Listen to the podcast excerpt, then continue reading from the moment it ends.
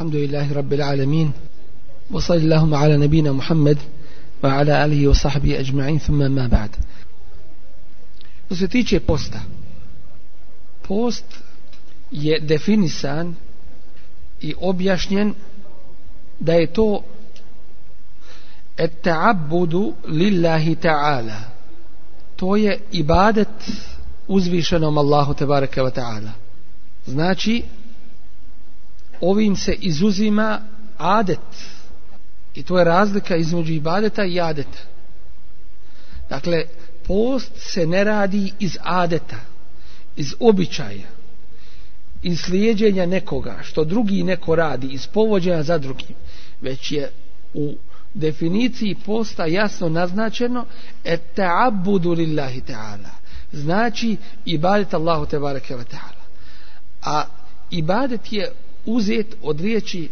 abide budu. Šta to znači? ja ja'budu. Znači potčiniti se nečemu. Od toga je čovjek nazvan abd, Allahov rob. I svi ljudi su Allahovi robovi, s tim što su jedni pokorni Allahovi robovi, a drugi nepokorni Allahovi robovi.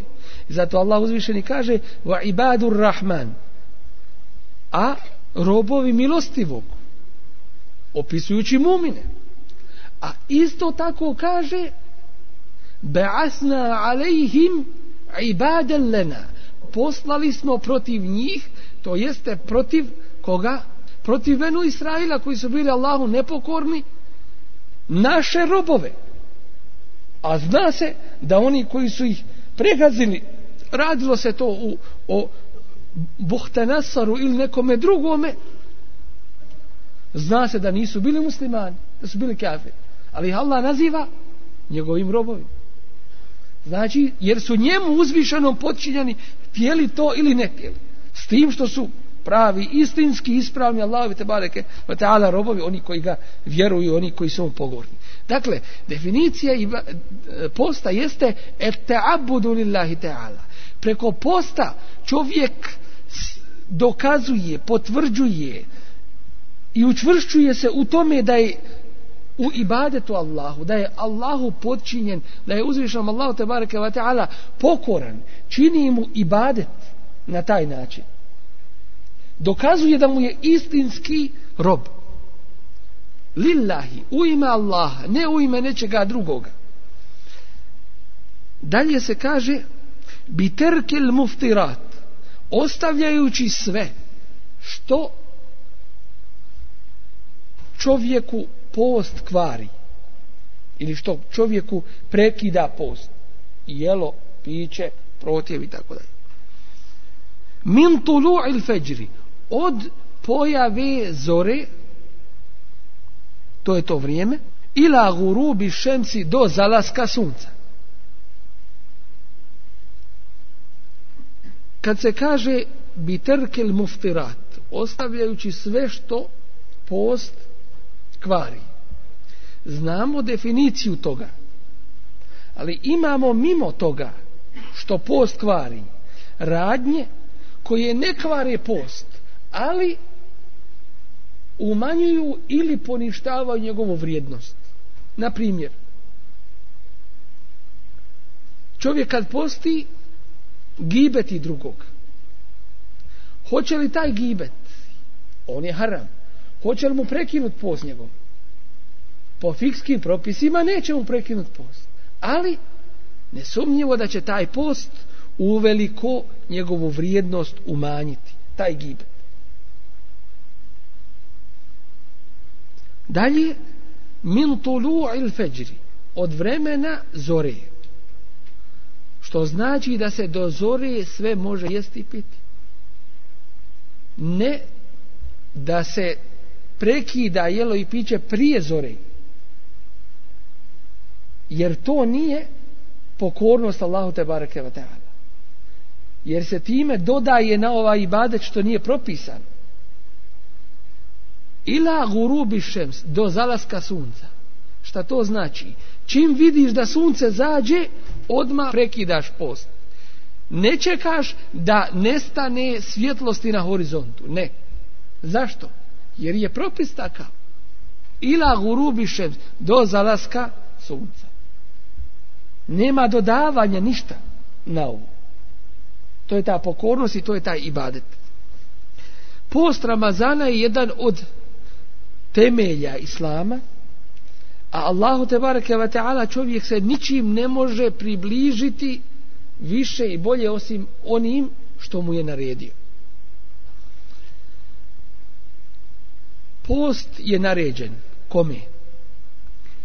Uslov je da bude nekome vađib, obavezan post, da je musliman, da je punoljetan, da je pametan i da je sposoban da posti i da je kod svoje kuće, da nije putnik.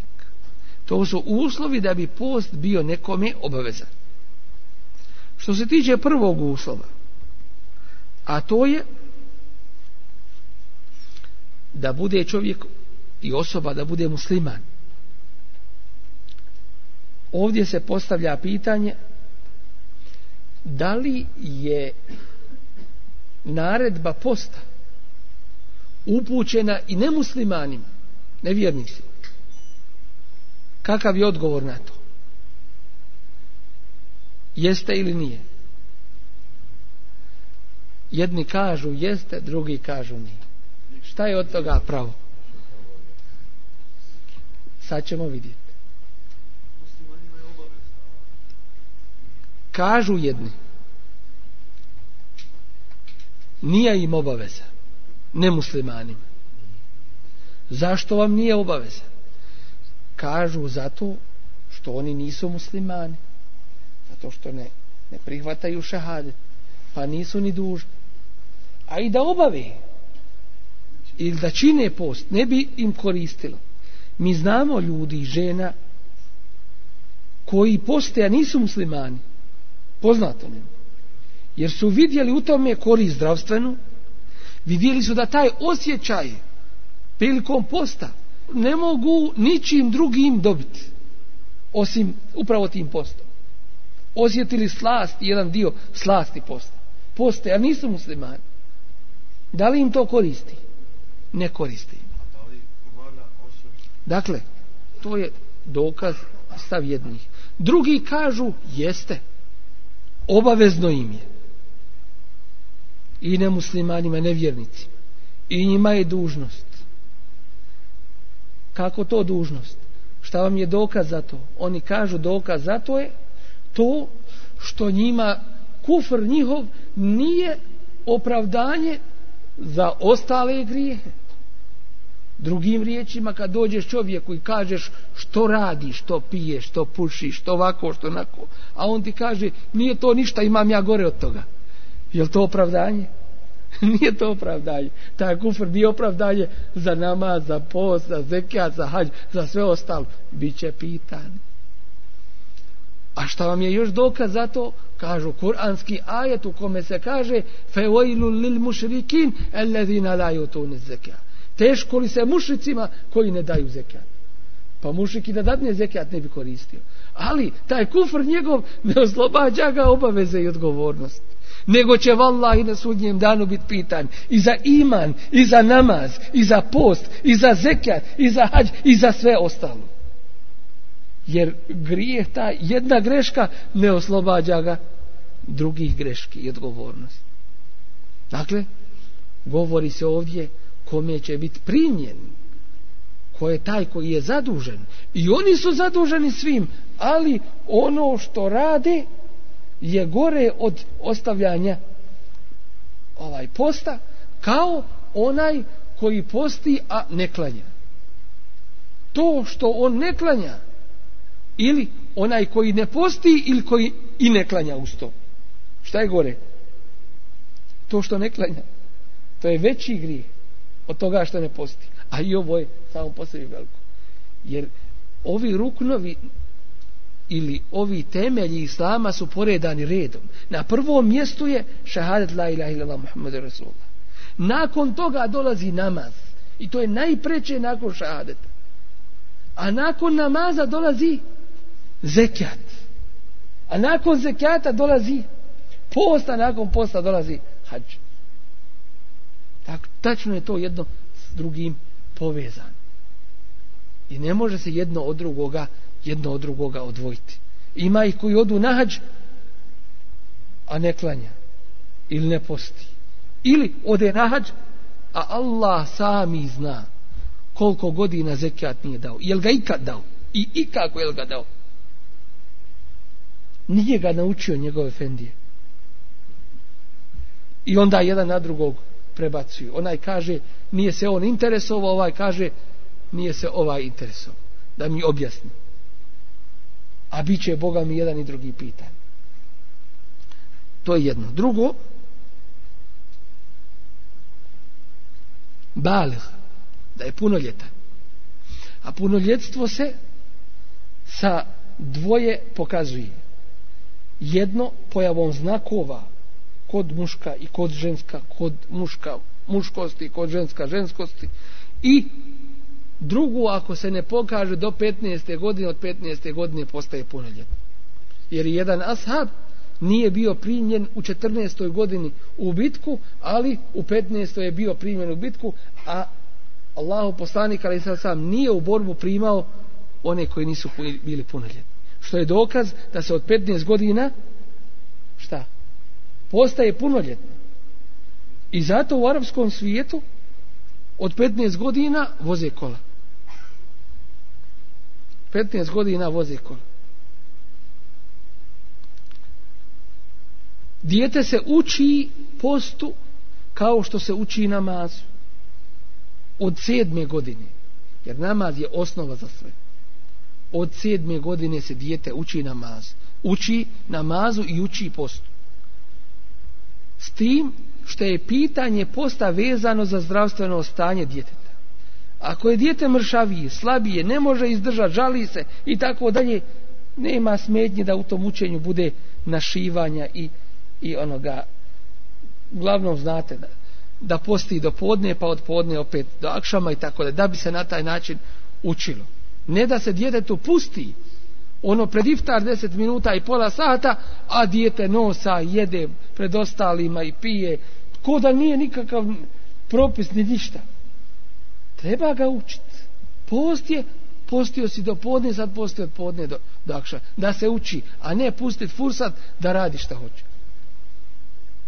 S tim što dijete, ako može da posti, bolje je da se uči i navikava postu. Već od sedme godine. Kao što je pitanje i namaza. S tim što ako ispravno isposti, to će mu se u seva upisivati. Ali nema obaveze. Sve do punoljetstva. Od punoljetstva počinje, počinje prava obaveza i kazna za ako, ako ne bude izvršio tu obavezu. Sljedeće je akil. Akil to je pametan, koji je pri svijesti, razuman. Što se tiče lude osobe, to jeste neuračunjive osobe, koja ne zna sobom vladati, takva osoba nije dužna postati i takva osoba nije dužna dati fidiju. To jeste iskup za te dane. Zašto? Jer u osnovi nije bila ni zadužena da posti. Pa kako će davati fidiju za nešto što nije bio dužan da uči? Razumijete to? Dakle, to je sa osobom koja, koja nije uračunjiva. Makar se radilo o velikoj osobi, staroj, starijoj osobi i tako dalje. Ovome se pridodaje osoba koja je matuh i u arapskom jeziku se kaže ma'tuh i to je arapska riječ kod nas je ušla kao riječ matuh osoba šta je matuh osoba to nije senila senila zaboravlja ali ovo je osoba koja je došla na takav stepen da više ne razlikuje kao malo dijete moraš sve oko njega raditi to je taj matov pravi i el kebiru el muharrif a to je osoba koja je toliko ušla u godine da, da nema više pri sebi razuma ni svijest takvi se pridružuju ovoj prvoj vrsti Zatim, osoba koja je u stanju da posti. I to je uslov za post. Koja je u stanju da posti. Iz ovoga se izuzima, dakle neće postiti, onaj koji je bolestan. Bolešću koja je nastupila privremeno, traje određeno vrijeme, i nadamo se da će ozdraviti iz te bolesti.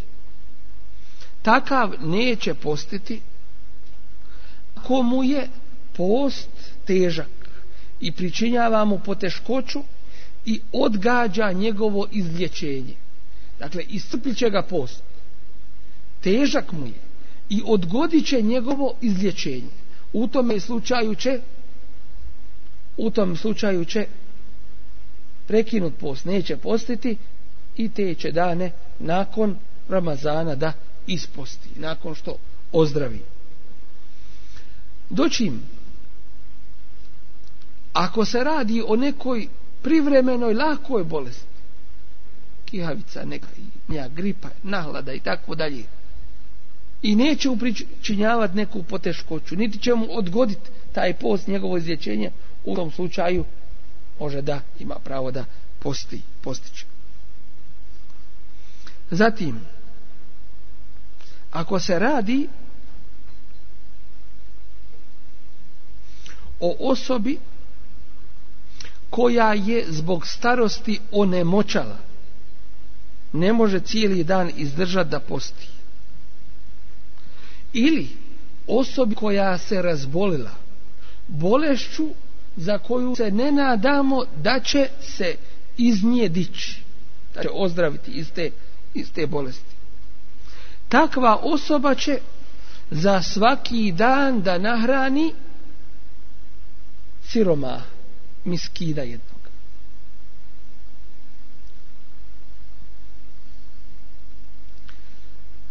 Isto tako, žena koja je noseća i žena koja doji dijete. ako joj post pričinjava poteškoću.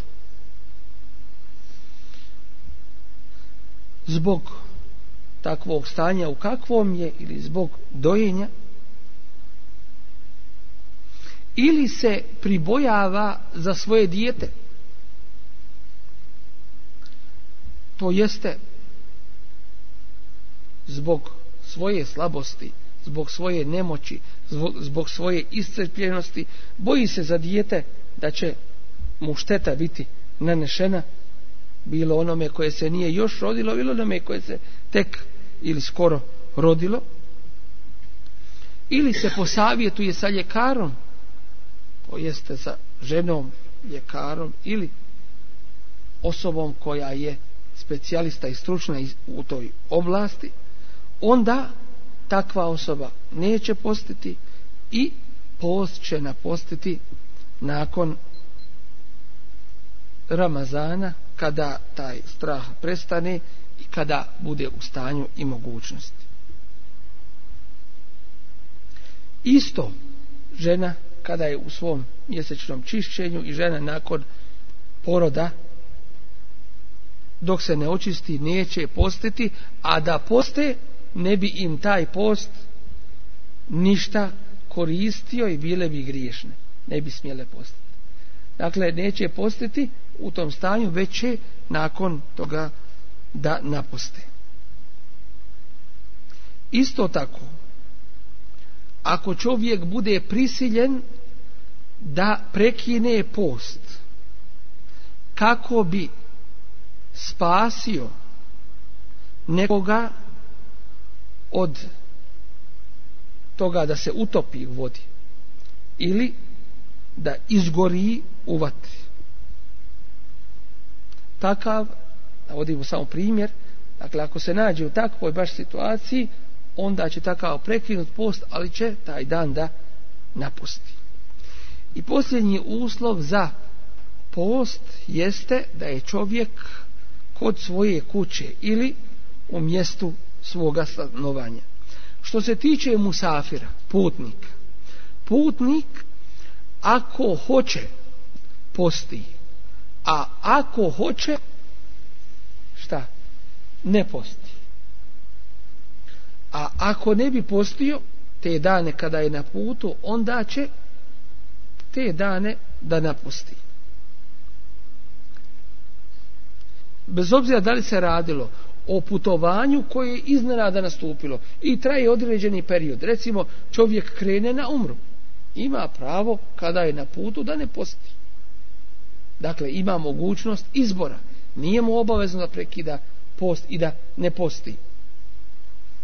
Ili se radilo o čovjeku koji većinu svog vremena je na putu, jer radi na takvom poslu vozi velike kamione, prelazi veliki broj kilometara i tako dalje.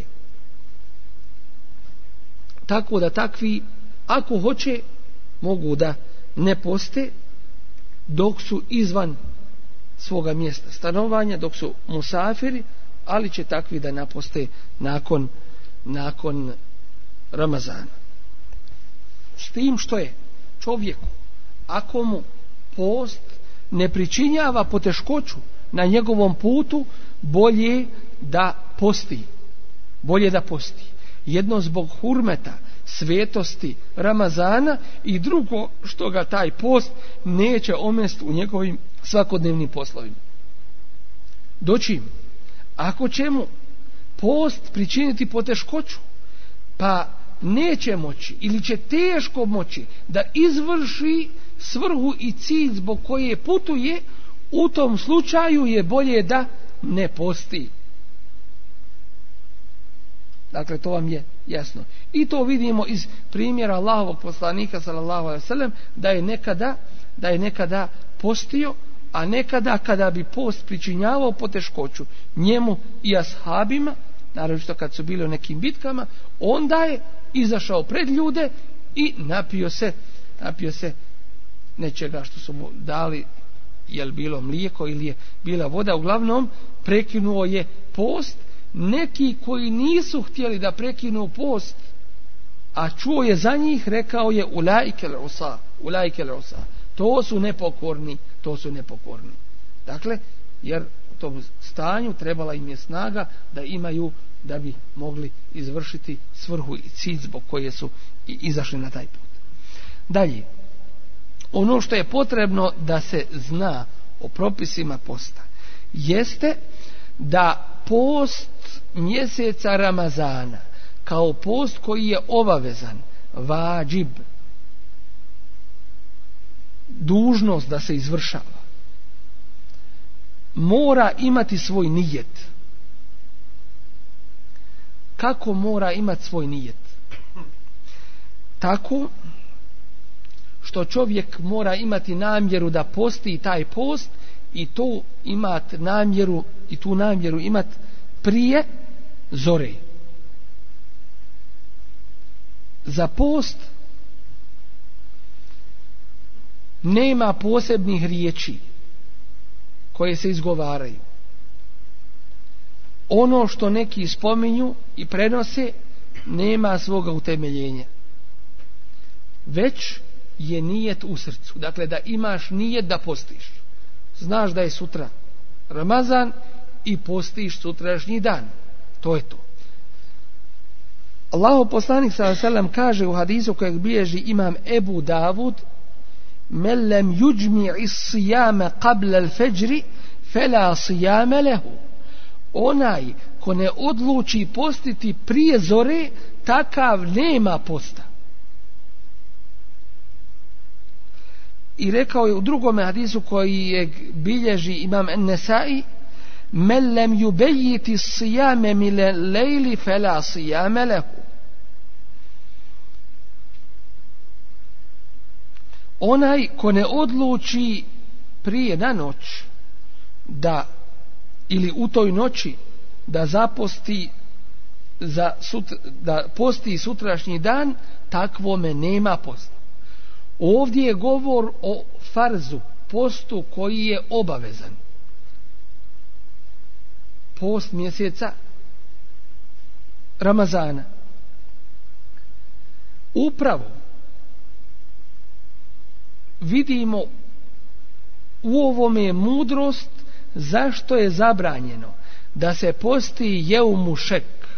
Šta je jeumušek? To je sumnjivi dan ili dan sumnje.